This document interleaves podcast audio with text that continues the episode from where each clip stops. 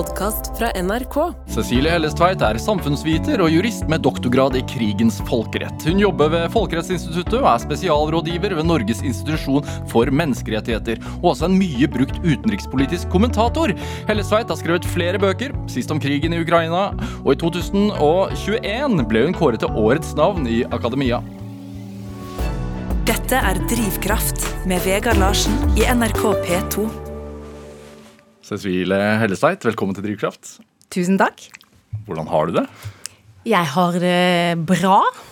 Ja.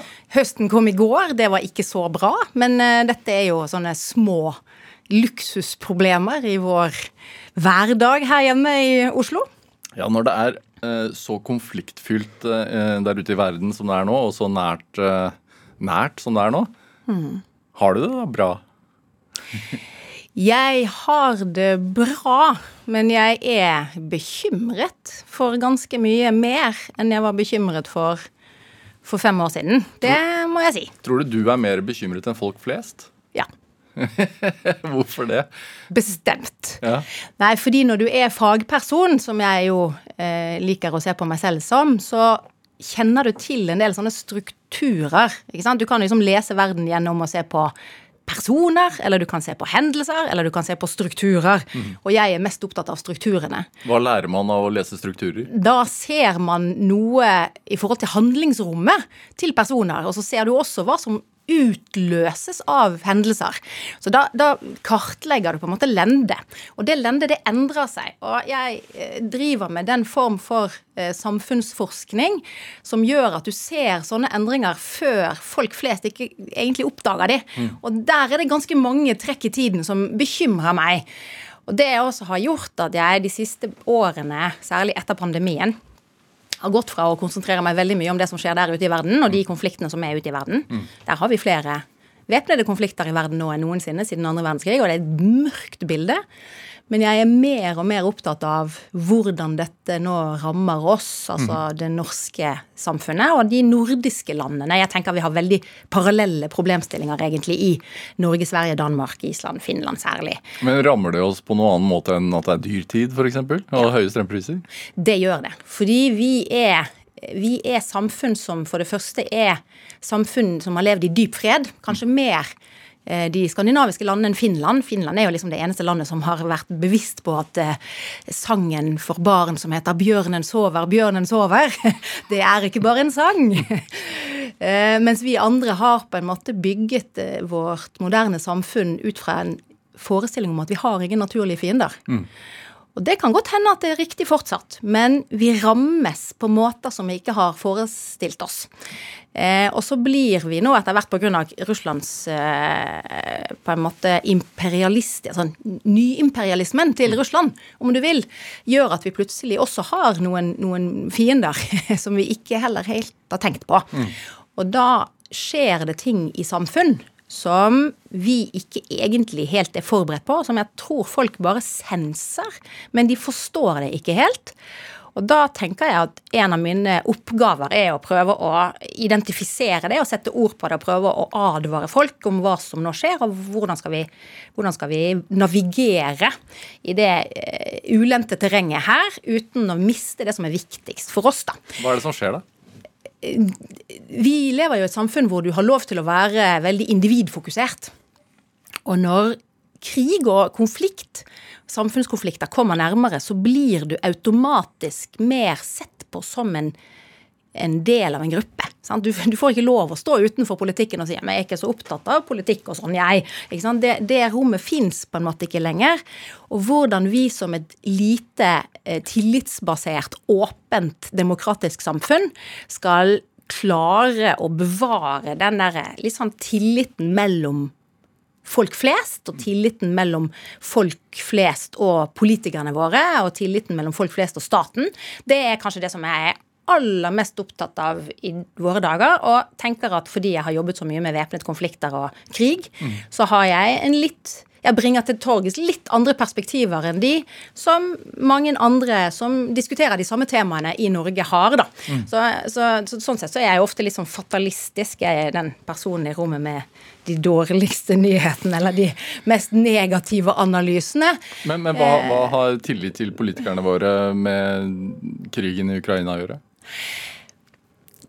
Altså, Nå sliter vi jo litt eh, på mange måter i forhold til dette med tilliten her hjemme. Så det å komme trekkende med at dette er det store arvesølvet vårt, er kanskje litt vanskelig akkurat i dag. Men eh, allikevel, da.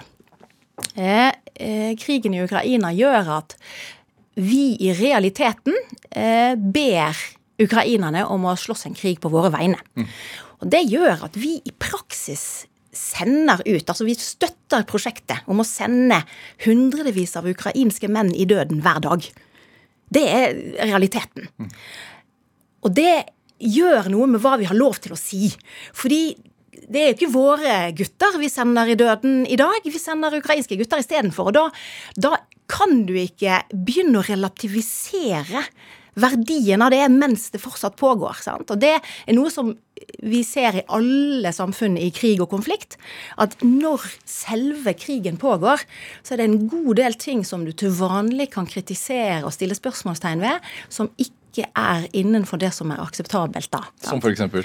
Nei, eksempel, ja. Eh, men er det på en måte ikke egentlig noen andre sin feil? Er det ikke slik at dette her er et korrupt samfunn? Altså Man begynner på en måte å, å trekke inn sånne alminnelige samfunnskritiske stemmer som, som vi jo skal ha i et demokrati. Mm. Men når krigen kommer, så oppstår det nye eh, sensurfelt. Og den sensuren der den er av en hardere karakter enn den vi er vant med. Så hvis du, går, hvis du bryter det, så kan du komme, bli anklaget for å være liksom eh, om ikke forræder, så ikke så langt unna. sant? Mm. Du, du, sviker på en måte saken. Og det er jo ikke noe vi i, i, vårt samfunn er så vant med, egentlig. Det var noe som eh, foregikk under krigen og etter krigen, og der var det mye rom som ikke det var lov å gå inn i. Mm. Og nå handler det om en, en samtidskonflikt som befinner oss altfor nær oss, egentlig. Denne, denne, krigen er nær oss. Mm. Eh, hvis du ser på kartet nå, så er det en, en eh, frontlinje på 1000 km som skjærer gjennom det europeiske kontinent. Og hvis du ser Europa og ser fra Svartehavet til Østersjøen, så er halvparten nå en en eh, skyttergravsfrontlinje med en såkalt kill zone, mm. hvor det dør altså mange hundre hver dag i mm. perioder. sant? Og, eh, og, det er også noe med at da Det gjør noe også med hva, hva som er akseptabelt i vårt samfunn. Og så er spørsmålet hva hvordan håndterer vi det hvis dette her blir en permanent situasjon? Hvis det blir en frossen konflikt? Eh, hvis, eh, hvis, de analysene som jeg har da, i forhold til hvordan dette kommer til å endre det europeiske kartet, hva gjør det med vår offentlighet? Hva gjør det med det som er lov til å snakke om? Hva, hva sier de analysene du har? Nei, jeg mener jo at denne krigen, altså Putin, brakte etterkrigstiden i Europa til endes. 2019, eh, før pandemien og krigen, kommer ikke tilbake igjen i min livstid. Og Det er en ganske mørk analyse, eh, egentlig. Og, og, så er spørsmålet hvordan skal Norge klare å bevare det som er det viktigste i vårt samfunn, som er igjen altså tilliten. Jeg jobber også med oljefondet, mm. som er veldig mye. Etikkrådet der? Ja, Etikkrådet til oljefondet har gjort det i nå sitter på niende året. Og det er klart, da tenker du mye på hvor mye, hvor mye penger vi har, eller hvor mye midler eller investeringer vi har rundt om i verden, men så tenker du også veldig mye på at det er ikke det som er arvesølvet vårt. Arvesølvet vårt er egentlig det samfunnet som jeg har vært så privilegert å få vokse opp i, som kvinne, ikke minst. Ikke sant? Det er kanskje en av de beste samfunnene å være kvinne gjennom tidene. Fordi du er du har en type frihet som, som er nesten helt uh, uten sidestykke. Sant? Og hva, hva, hva, gjør vi med velferdsstaten vår og dette samfunnet hvor, hvor det er best mulig for flest mulig. Hvordan klarer vi å bevare det til, til neste generasjon? Og, etter hvert som jeg liksom sitter litt sånn høyere oppe i samfunnsstrukturen, så tenker jeg mer og mer på det ansvaret jeg har da, for å sørge for at jeg ikke tok imot nøklene til et av verdens beste samfunn og overgir nøklene til det samfunnet til neste generasjon som et veldig mye dårligere samfunn. Mm. Det vil jeg ikke ha på meg. Og det, det er nok litt av den, den drivkraften i forhold til å formidle. For jeg har eh, klokketro på en opplyst offentlighet. Ja, Så du er positiv? Jeg ser at vi har noe Ja, jeg er positiv. Og så ser jeg jo Jeg bo, har bodd mye i andre land og snakker mange språk, har på en måte vært ganske sånn integrert i andre samfunn. Og det du først og fremst lærer noe om da, er jo ditt eget samfunn. Sant? Du lærer en del om om de nyansene som finnes hos oss. Mm. Uh, og her er det mye å kritisere, og det er mange ganger man skulle ønske at det var et helt annet sted. Men, men det har noen verdier da, som jeg er veldig opptatt av at, at vi skal klare å, å vurdere. Og det, nei, og, og, og på en måte bevare for den neste generasjonen. Så, så sånn, sånn, faglig så tror jeg kanskje at jeg vil kalle meg for en eh, rettsstatsfundamentalist. Dette er Drivkraft med Vegard Larsen i NRK P2. Og I dag er eh, samfunnsviter og jurist Cecilie Hellestveit gjest hos meg her i Drivkraft på NRK P2. En rettsstatsfundamentalist, var det det du sa? Ja. Hva er det? Nei, det betyr at du er villig til å drepe for rettsstaten. Nei da, det blir ikke helt det, altså. Men, men, det er ikke så langt unna, faktisk. Eh, nei, jeg tenker nok at eh, i Norge så, så, ser vi jo for oss at velferdsstaten og demokratiet vårt det er omtrent like fast som Dovre. Mm. Og det er jo helt feil. Hva? Sant? Eh, ikke sant? det er noe som må røktes. Og det må røktes vel. Og jeg tenker nok at hver generasjon skal ha sin kamp for både demokratiet vårt og for, for så vidt velferdsstaten, å sørge for at den tilpasser seg den samtiden som man ens egen generasjon lever i. Hvilke, hvilke, kamper bør vi kjempe nå, da? Nei, nå handler det veldig mye om, om tillit til statsmaktene, og så handler det om forholdet mellom statsmaktene. Fordi sånn som, sånn som vårt samfunn fungerer, eh, til forskjell fra veldig mange andre, mm Norge er et av få land i verden som på en måte rager øverst på alle demokratiindekser. Vi er en av ni land i verden som er grønne på ytringsfrihet. Fordi alle, det er veldig mange som raser nedover her på statistikken. Og det vi har, er på en måte at vi har sant, Folket eier staten. Staten er delt i tre statsmakter, og de holder hverandre i sjakk. Det er en slags terrorbalanse. På vegne av folket. Sant? Og så har du pressen, da, som er den fjerde statsmakt på utsiden, og kanskje sivilsamfunnet som den femte. Men alt dette her skal på en måte fungere på en måte som gjør at eh, staten organiserer samfunnet til beste for flest mulig i samfunnet vårt. ikke sant? At du har medbestemmelsesrett, at du har ytringsfrihet, alle disse rettighetene som på en måte vi, vi kanskje tar for gitt, men som vi merker nå at begynner å Det er et eller annet som skjer her som ikke vi helt klarer å sette, sette fingeren på. Og det er disse strukturene som jeg prøver liksom å identifisere, og som, hvor jeg bruker ganske mye av den erfaringen jeg har fra samfunn i konflikt, fordi samfunn i konflikt er samfunn som endrer seg. Ja. Og det er det som er den, der, den, den, eh, erfaringen som jeg trekker litt på der, da. Men hvor er det du merker at det vakler litt, da? Nei, det er, jo, det, er, det er, jo, flere steder. Jeg, la oss si det slik, da. Jeg tror digitaliseringen av samfunnet vårt har noen effekter for forholdet mellom statsmaktene våre som ikke vi helt har skjønt ennå. Hva snakker vi om da? Da snakker vi om at uh, digitalisering, at alt skal over i den digitale virkelighet, alt skal over på maskin, rett, rett og slett, det gjør at utøvende myndighet, regjering, eh, embetsverk, eh, politi, militære, de får mye mer makt fordi de sitter på kunnskap. Så de blir mektigere. Mm. Og så blir det vanskeligere for Stortinget. Vi har jo et storting som egentlig ikke har store forskningsinstitusjoner som kan hjelpe de og sånn. ikke sant? Det blir, sånn der, det blir sånne, sånne, forskere som meg da, som løper rundt der og prøver å, å, å, å si et og annet. Sant? Men det er et veldig svakt egentlig grunnlag for å holde utøvende myndighet i, i sjakk. Og så har du domstolene som også etter hvert på en måte eh, sliter, og, og, media som også sliter med tilgang. ikke sant? For selv om vi prøver liksom å åpne opp, så, så, blir det flere og flere grunner til å ikke gjøre det. Så vi ser ikke sant, at det, at det skjer en endring der.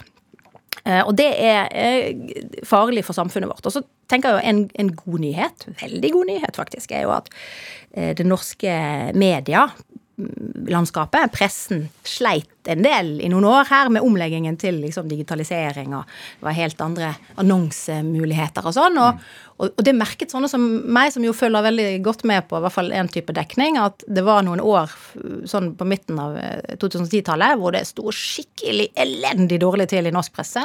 I forhold til utenriksjournalistikk, f.eks.? Ja, men det er også innenriksjournalistikk. Det handlet om på en måte hva, hva, man fokuserte på også i redaksjonene? Hvor, hvor, hvor det handlet veldig mye om, øh, om litt feil feil fokus, etter mitt skjønn. da.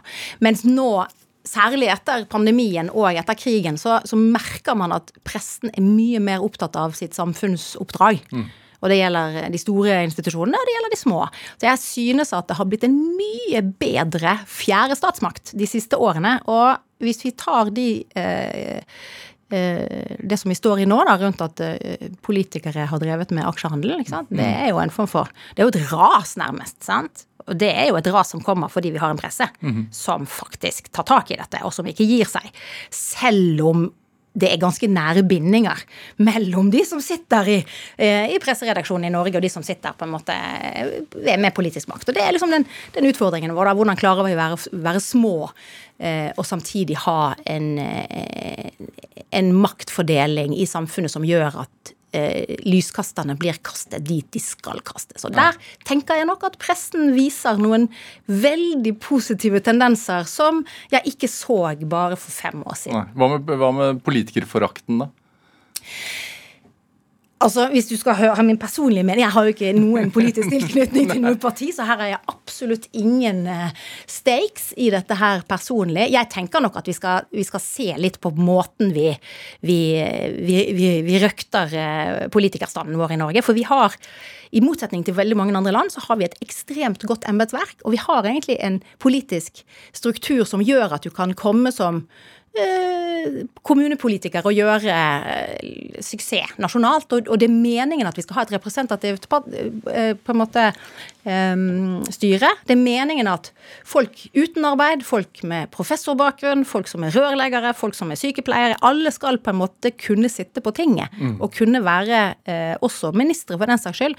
Og det utnytter vi i altfor liten grad. Så jeg tenker nok at vi skal, vi skal se litt på akkurat det der, da. Også, hva, hva, mener du da? Nei, jeg tenker at, at dette med å ha politiske broilere, altså folk som på en måte eh, politiske partier identifiserer og utvikler til å bli sine politiske instrumenter, mm. det er ikke noe som vi egentlig trenger i Norge, gitt vår struktur, og det er ikke noe som vi ønsker heller. Og når det viser seg at mange av de ikke engang har skjønt habilitetsreglene, så er det klart at da, da begynner man å lure litt eh, på hvordan ting, ting eh, er fatt. ikke sant? Og det handler om tillit til syvende og sist også, ikke sant? Ja. Tror du disse broilerne, som du kaller det, er med på å skape en uh, distanse til folk?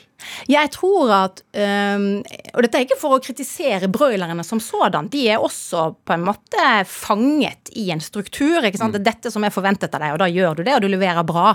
Men det er jo vi, det er jo vi som tillater at uh, noen av de beste journalistene i Norge etter hvert eh, sitter som kommunikasjonsrådgivere for politiske partier og andre, for å sørge for at ikke kritikken blir så hard. Og det vil vi jo egentlig ikke ha. sant? Vi vil jo ha, vi vil ha de beste i nyhetsredaksjonen personene som skal ikke sant? Eh, vi vil ha de beste i, i embetsverket, og vi vil ha de beste på toppen. Og, og, hvordan får vi det til på en måte som gjør at vi, at vi bevarer både representativiteten, men også tilliten hos folk flest. Og så tenker jeg nok at, at vi skal prøve å få til en, en, situasjon hvor i det øyeblikket du blir valgt inn på Stortinget, hva du har gjort før, er ikke så viktig, men da skal du jammen meg være den beste utgaven av deg sjøl. At, at det blir en slags forventning fordi du er du representerer noe som er veldig mye større enn deg selv. da. Ja. Eh, så, og hvis du ikke er villig til det, nei, da får du finne deg noe annet å gjøre. Da får du hekle eller drive med eh, sofaproduksjon eller finne noe annet å gjøre. fordi det er jo ikke noe man er tvunget til, men at, man, at, vi, at vi på en måte at vi endrer litt på det. Og nå er en god tid å begynne å snakke om akkurat det, tenker jeg. Mm, mm. Cecilie Helsveit, du sa jo uh, tidligere her at uh, sånn vi kjente verden uh, opp fram til 2019, det, sånn kommer ikke til verden til å eksistere igjen i vår livstid.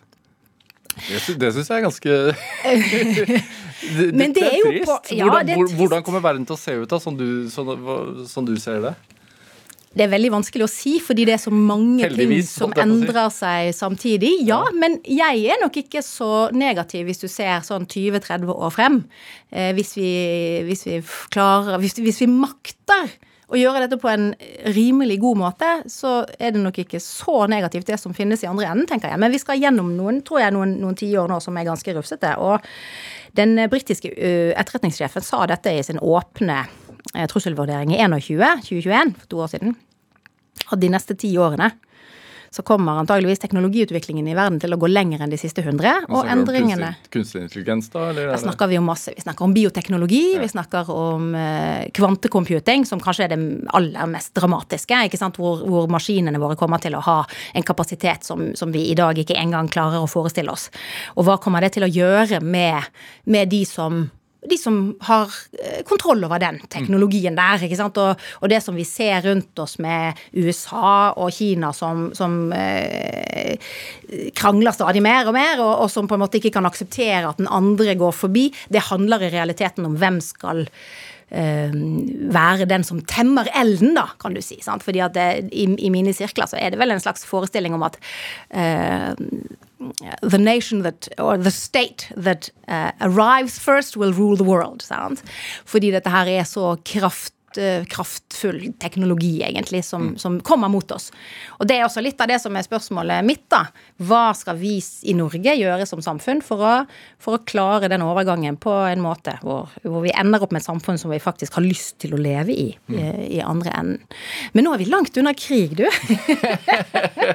er det min skyld, kanskje? Eller, hva du sa du? sa jeg er som å gjete en katt, sa du. Ja, get, eller katter i filertall. Ja. Kanskje omkvedet. Men Cecilie Hellesveit, det er jo jeg jobbet en gang i tiden i, i eh, studentavisen Universitas, som, som, jo dekket Universitetet i Oslo. Og da var det alltid, eh, Hvis jeg ringte forskere og sånn for å få en kommentar om ting, så var de alltid sånn Ja, det er ikke mitt forskningsfelt, det vil jeg ikke prate så mye om. Mm. Men, men, du er, fremstår mye mer uredd for å mene og, og, og, og eh, komme med ditt synspunkt på ting. Har du alltid vært sånn? Ja, det tror jeg faktisk. Jeg er oppdratt som odelsgutt. Jeg var enebarn. Hvordan blir man oppdratt som odelsgutt? Da tilbringer man store deler av eh, oppveksten sammen med sin far. Eh, og så har man en rødstrømpete mor, så da er det liksom to som trekker i samme retning. Nei, altså eh, Når det gjelder mitt eget fagfelt, som Jeg har jo to liksom, fagfelt, egentlig. Og det gjør at da kan man tillate seg litt mer. eh, eh, men det er jo krigens folkerett som er på en måte der hvor jeg Der er jeg fagperson. Mm. Eh, men når du lever i et land som Norge, så er det veldig mange steder som folk ikke kan noe om. og da er spørsmålet skal man da skal man da si noe og tenke at det er litt nærmere sannheten, eller litt mer korrekt, eller skal man ikke gjøre det? Og veldig mange kvinner vil da unnlate å gjøre det. Så det er jo ikke det at jeg er så, så spesiell sånn i norsk sammenheng, men jeg, kanskje det som gjør at jeg skiller meg ut, er kanskje at jeg er dame og gjør det. Fordi det er først og fremst eh, mine mannlige kollegaer som holder på på den måten eh, som jeg gjør. Og, og det er en, en, ting som jeg også er opp, opptatt av. At damer må bli mye flinkere til å tørre mm. å mene ting, og, og, også tørre å bli motsagt, også offentlig, og tørre å ta feil. Uh, og det er klart at det å stå på toppen når du er dame, da, det er mer synlig fordi det blafrer i skjørtet. ikke sant? Men, men, det må vi også som samfunn uh, forvente av damene, mm. egentlig, faktisk. Har du tatt feil selv noen gang?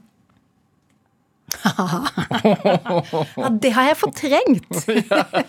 Nei da, selvfølgelig har jeg det. Men, eh, men, eh, jeg pleier nok eh, litt sånn med det der kvinnelige ballasten i mente. For jeg er også syk. Jeg, jeg trengte å læres opp til å ha en offentlig rolle. Og NRK eh, og de store nyhetsmediene var veldig flinke med meg når jeg var ung, og vi fikk Irak-krigen og jeg var forsker på PRIO. Mm. Så de var veldig snille med meg i begynnelsen, sånn at jeg ble trygg i den rollen.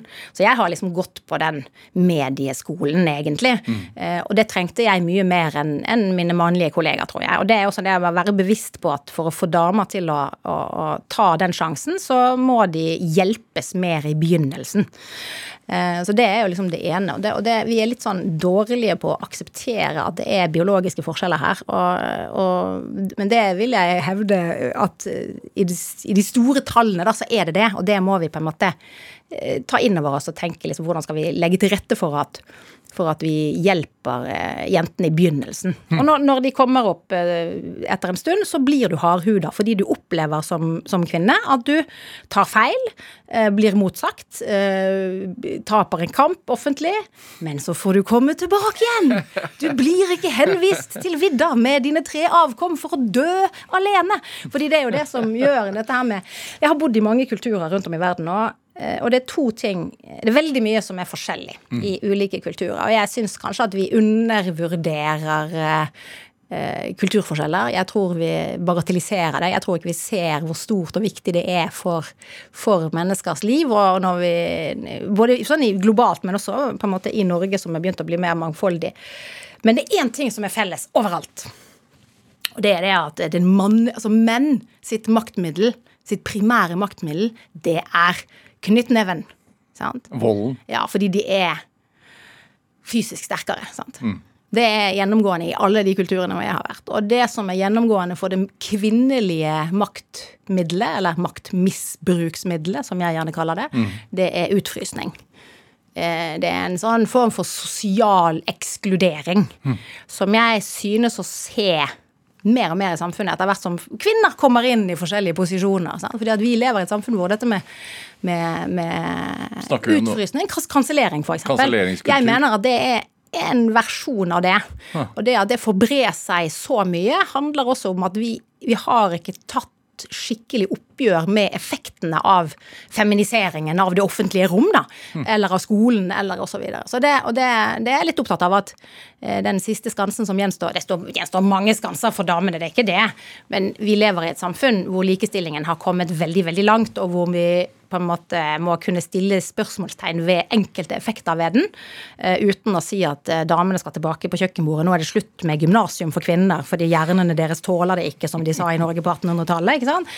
Det er ikke, der, det er ikke det som er utfordringen. Men, men, vi har en utfordring med at uh, vi damer må Den siste skansen som gjenstår for oss, er den maktens introspeksjon. Altså sant? forstå hvordan man selv benytter makt? Ja. Hvordan utøver kvinner makt, og hva er det som er uakseptabelt med det? Så jeg ønsker jo egentlig at, at damer begynner å snakke mer om dette og blir mer kritiske, selvkritiske, men også kritiske til sine medsøstre, og menn som også selvfølgelig begynner å utnytte dette, for det er jo et fantastisk eh, maktmiddel. Mm. sant? Eh, og at vi ut utvikler i samfunnet vårt en, en, tabuisering av det på samme måte som å, å bruke knyttneven.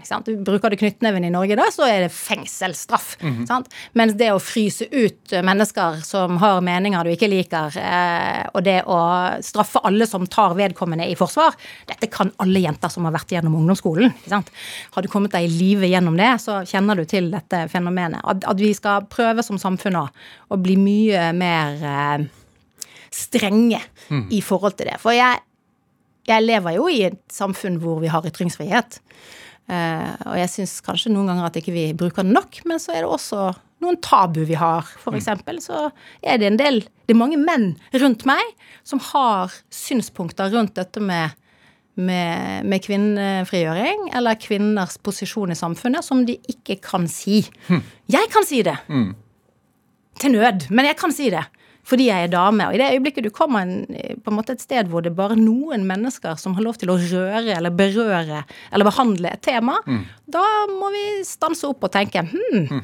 er dette så bra da? Sant? Og det tenker jeg nok. Eh, der skal vi damer begynne å bli ganske mye mer mm. selvkritiske da i forhold til hvordan vi utøver makt. Så det er min oppfordring til alle kvinner som hører på, at nå, damer, er det på tid med den derre maktens selvransakelse. Har du sønner selv? Jeg har tre sønner, ja. så jeg bor, med, jeg bor med fire gutter. er du, men er du bekymret for de? Altså de er tenåringer? I forhold til det? alle mødre er bekymret for sine barn. Det ligger i sakens natur. ja, det er alle fedre tror jeg. Og alle fedre er også bekymret for sine barn. Eh, sant? Eh, så Men eh, ja, til en viss grad. Altså, jeg ser jo at de vokser opp i et samfunn hvor eh, mannsrollen er i fluks. Og, eh, og vi er et samfunn hvor mannsrollen er i fluks fordi kvinn, kvinnerollen på en måte har, har, endret seg så mye. Eh, og det er også litt av mitt, mitt, mitt poeng, da. Skal vi, skal vi, snakke om skal vi snakke om de store gruppene i samfunnet. Fordi kvinner flest og menn flest, eh, de, sånn en kompakt majoritet, mm. de lever på litt samme måte kanskje som, som de har gjort alltid. Og så er det enkelte grupper i samfunnet som er, som er veldig frigjorte. Er det de som skal definere rammene her? Nei, det er jo ikke det. ikke sant? Det er, det er på en måte kvinner flest og menn flest, og da tenker jeg nok at det er noen biologiske forskjeller mellom kvinner og menn. Selv jeg som har blitt oppdratt som en odelsgutt, og som bor sammen med fire gutter, som kanskje er mindre rosa enn de aller fleste, allikevel tenker nok at vi skal, vi skal akseptere de forskjellene da, i stort. Uh, og bare, forvalte det på en, på en, litt mer eh, kløktig måte enn det vi gjør i dag. Men bare det å si at det er biologiske forskjeller, er jo nesten blitt skummelt i dag?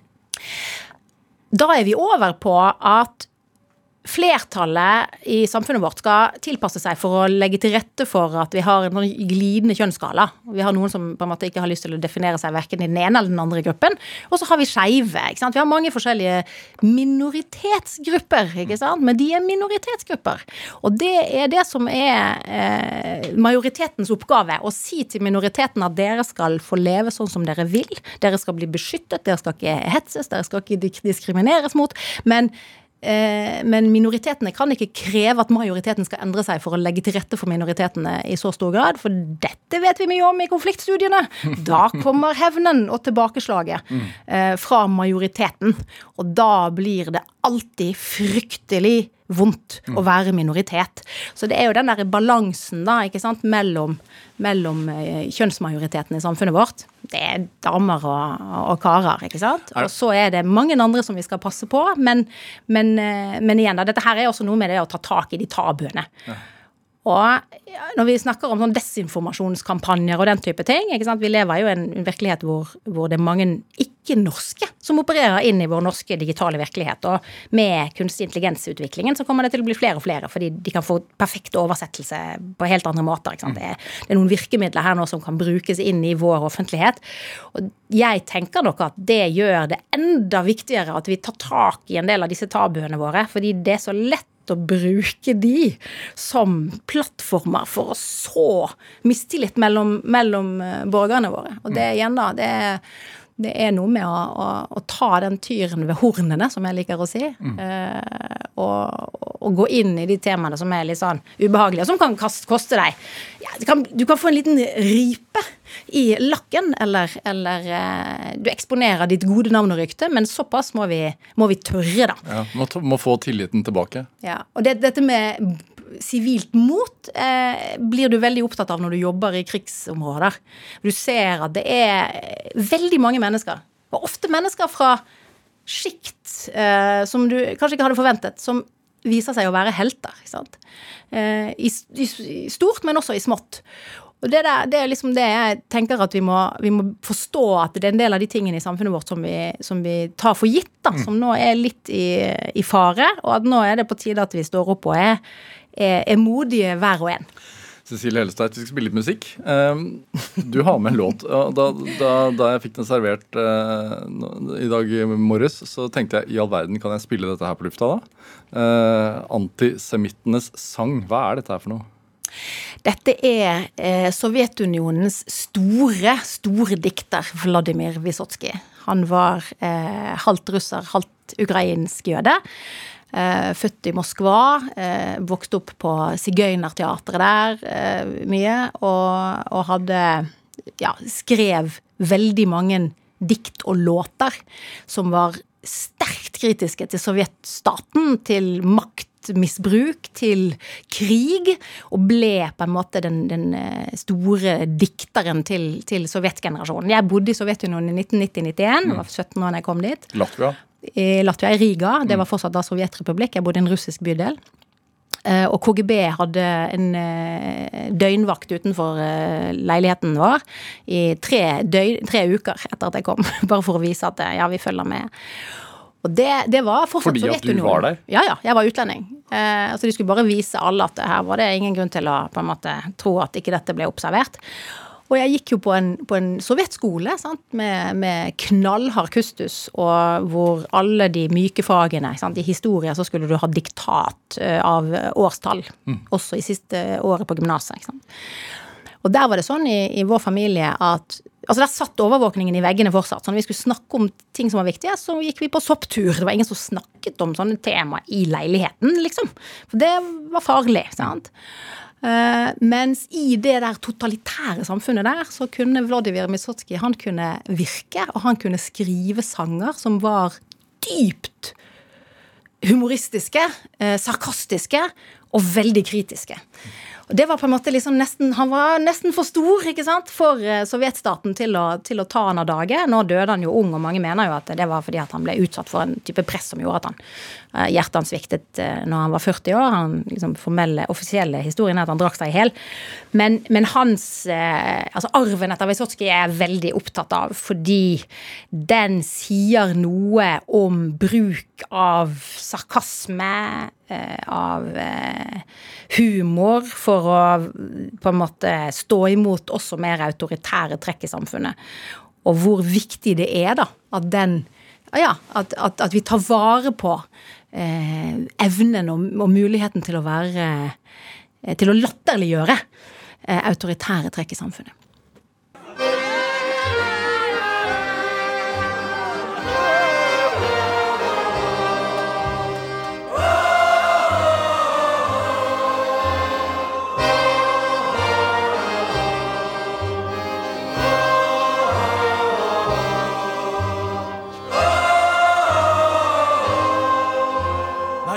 Skal vi alltid kalles banditter?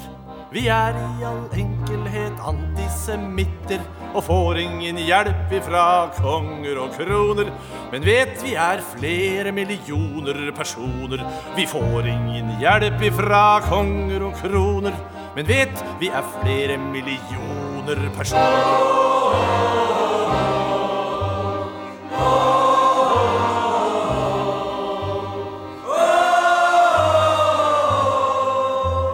Jeg spurte en venn, ja, en russer av blodet. Hva er nå egentlig semitter for noe? Og får man noe straff om man slår dem til døde? Han sa en semitt, det er bare en jøde, så dem kan man slå uten at det er brøde. Men en mann som Einstein, var han egentlig en jøde? Og jeg ber om korreks, men jeg må få spørre om Abraham Lincoln hadde sitt på det tørre.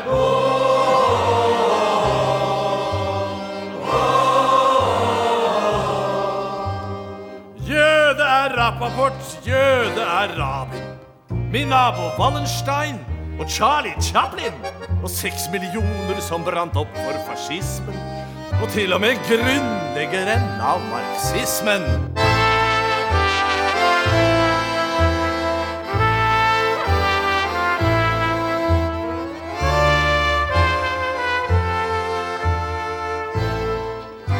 Men vennen min sa at de tror de er noe. Fra kristne småunger drikker i blodet. Og drosjesjåføren sa sist jeg tok drosje, at jødene spikra opp Jesus på korset. De må drikke blod, liksom alle vampyrene. Går i so og tar livet av dyrene.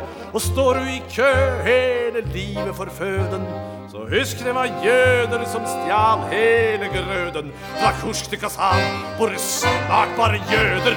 Svarte børshaier som horer og føder. Skyt dem og heng dem! Hvorfor skal de få leve? Hiv dem på havet! Russland for russerne!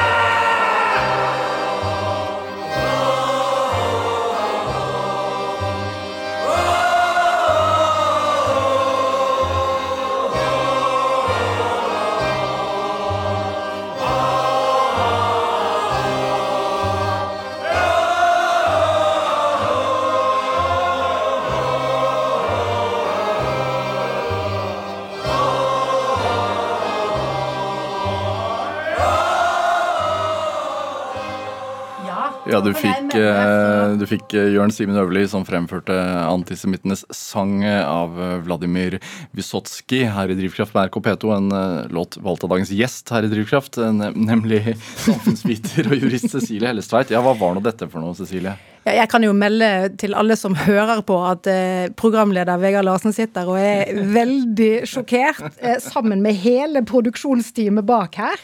Eh, så dette er sterk kost. Ja, det er sterk Det er sterk kost, men det kommer også fra en, et samfunn som var totalitært, ikke sant, og hvor dette her var veldig sterk kost også.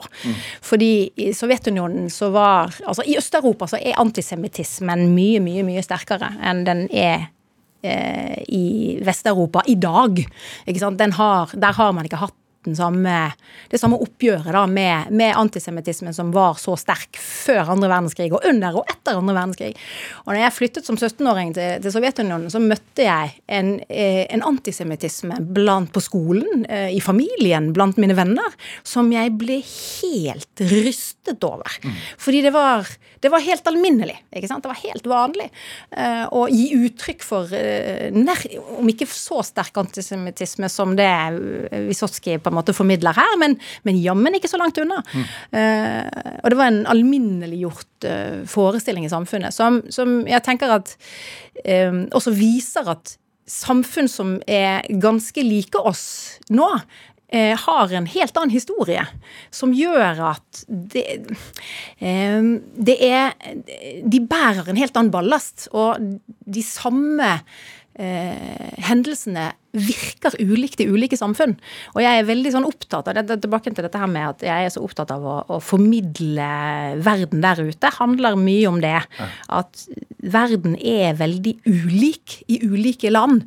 Og den samme hendelsen får veldig ulike effekter i ulike kulturelle og historiske settinger. Og det er en av de tingene som vi skal tenke litt på i våre dager. Sant? Fordi vi får inn Ukraina-krigen veldig tungt.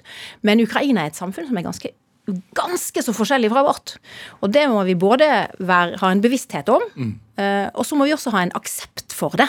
Ikke sant? En sånn blanding både av at eh, vi, vi, vi, er ikke så like som vi gjerne skulle, skulle tro. Og så er spørsmålet hva gjør vi for å beskytte vår egen særegenhet her hjemme. Sant? Og det, det, det skal vi Hvor krenkende skal vi tillate oss å være? Hvor mye skal vi tillate av kritikk som er eh, sårende, vond, eh, som utfordrer maktstrukturer? Så kan du si jo, men kan ikke vi bare ha den kritikken som er streng med makten, og ikke den andre som krenker? Ikke sant? Eh, ja, det kan du gjerne prøve, og lykke til med det. Fordi makten kommer umiddelbart til å finne alle de som er krenket. ikke sant? Så det er jo noe med på en måte å tåle å høre ting som som forklarer noe om dynamikken i samfunnet. ikke sant? Og det, det, Vysotsky var jo en, en, en ener på det området der, altså. Det er jo eh, det, det å reise til, eh, til Sovjetunionen som da 16-17-åring det, det, Dette behovet for å komme ut i verden og forstå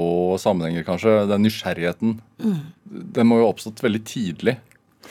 Jeg, kom fra en familie som var veldig opptatt av, eh, av verden ute. Min mor snakket spansk og var opptatt av Latin-Amerika, så jeg ble opptatt av Latin-Amerika som 12-13-åring. Uh, leste Che Guevara og skulle bli geriljasoldat. Uh, skulle til Guatemala og slåss mot imperialismen. Ja, men altså helt seriøst. Jeg var alpinist og drev med sånn eh, benkpress og sånn fordi at jeg så for meg selv i jungelen, ikke sant, med Ja, ja. Og så eh, hadde jeg vært i Sovjetunionen på tur en måned når jeg var seks år, i 1979, sammen med min far og mor. Eh, Hva gjorde han? Nei, han var, han var veterinær, og så var han på verdenskongress. Fordi at eh, Russ, Sovjetunionen skulle ha OL året etterpå, så hadde de, sånn, hadde de sendt folk på smilekurs, og så skulle de teste med noen sånne kongresser, da. Eh, og jeg var den eneste, det eneste barnet som var med. Og Dette var om sommeren, så alle barn var jo sendt av gårde på sånne sommerleirer. Sånne lager, pionerske lager, som de kalte de. Så det var jo ingen barn der. Ja, det var før Eh, murens fall. og alt. Nei, dette var i 1979. Ja. Ja, langt tilbake i forrige århundre. Og så hadde jo ikke sovjetborgere hadde jo ikke lov til å snakke med utlendinger. Det var jo strengt forbudt å snakke med utlendinger på gaten, men de kunne snakke med barn. Så jeg ble jo Ja, så det jeg husker jo den, den, den måneden som jeg var i Sovjetunionen som seksåring, som et helt, uh, mind-blowing Ja, fairytale. Ja, fascinerende.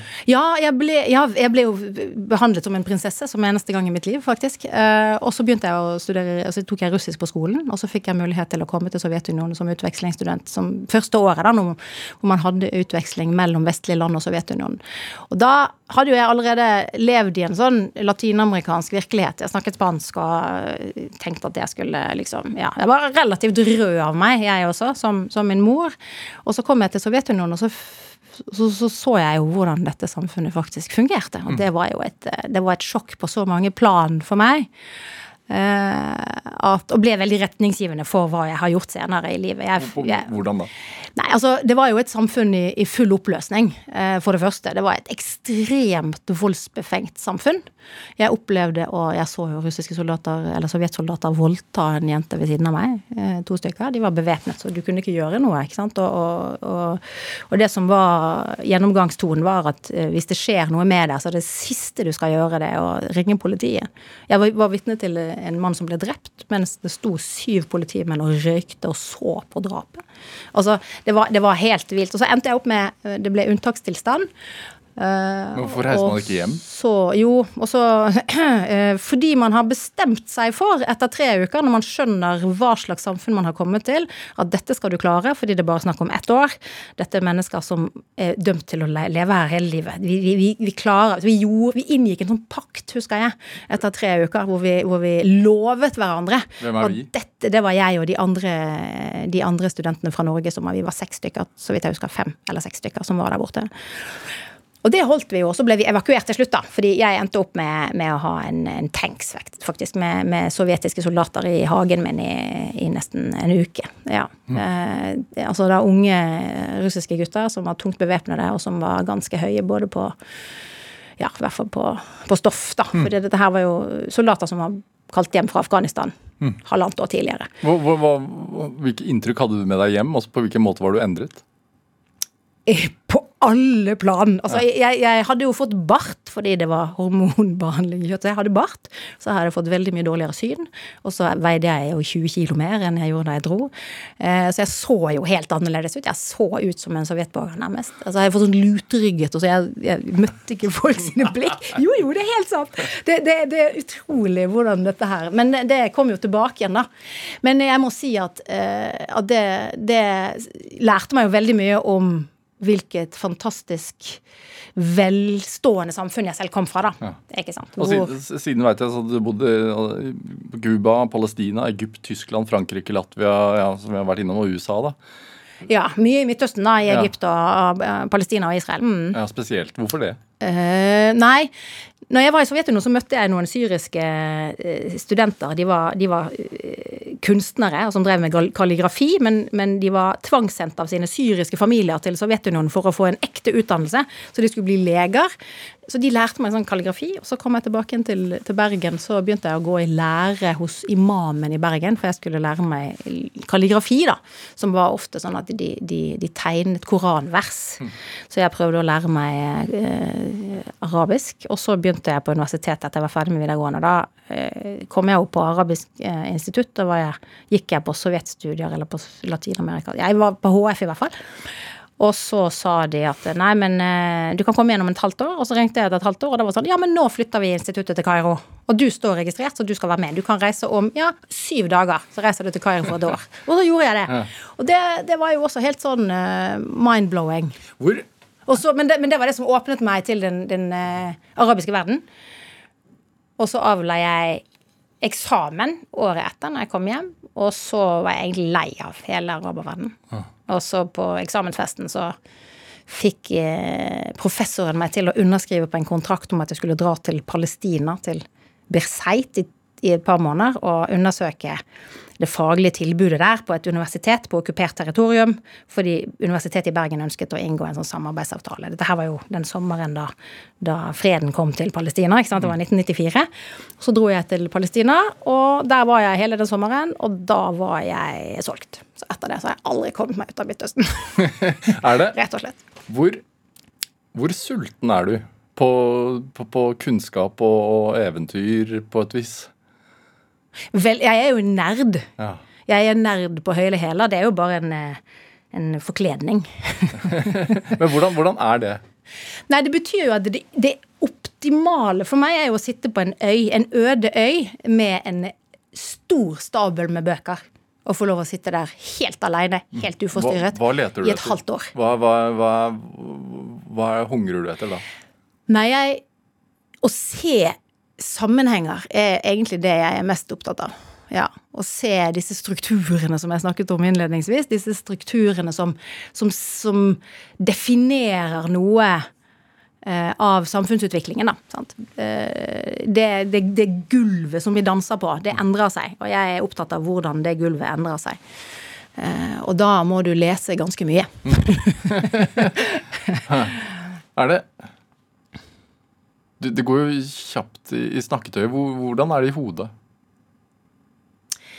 Eh, nei, det går jo forhåpentligvis like kjapt som snakketøyet, da. Men, men eh, jeg snakker jo mange språk, ganske flytende. Eh, og da snakker jeg jo annerledes. Jeg merker jo at jeg er ulik. På norsk og engelsk er jeg rimelig lik, men når jeg kommer over på liksom latinske språk, så endrer det seg. Så noen ganger så, så foretrekker jeg å å hente frem det kontinentale meg. da, Jeg har bodd mange år i Frankrike, blant annet, og, og, og sånn. Og, og det, der har jeg en annen, en, et annet tempo. Ja. Et, mm. et mye roligere tempo, faktisk. Hvordan er du ved søndagsmiddagen, da? Hjemme? Eh, høylytt.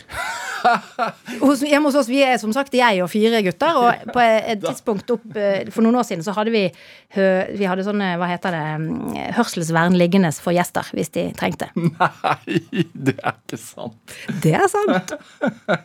ok, Så det går i arv, dette her. Men det, det, med, det med det med Var opptatt av krig, altså øh, Du, du har jo skrevet bok om Jemen uh, og, og, og, og om Syria, og, og nå sist da om, om Ukraina og dårlig nytt ved østfronten.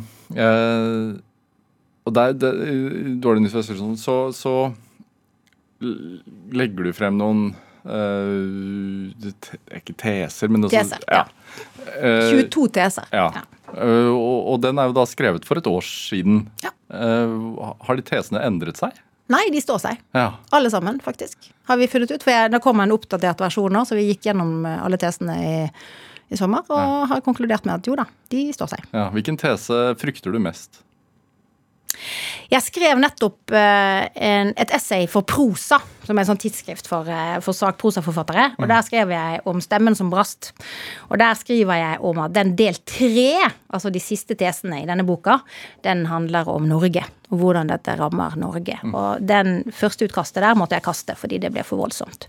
For da var jeg altfor ærlig. Da på en måte trakk jeg alle de konklusjonene som jeg som fagperson trekker ut av de første to delene av boken som handler om krigen og om geopolitikken. Så sensurerte deg selv? Jeg måtte sensurere meg selv. Hvorfor Fordi, det? nei, for jeg er ikke klar for å bære de tesene enda, og publikum er absolutt ikke klar for å høre det. Så det får vi ta etter hvert.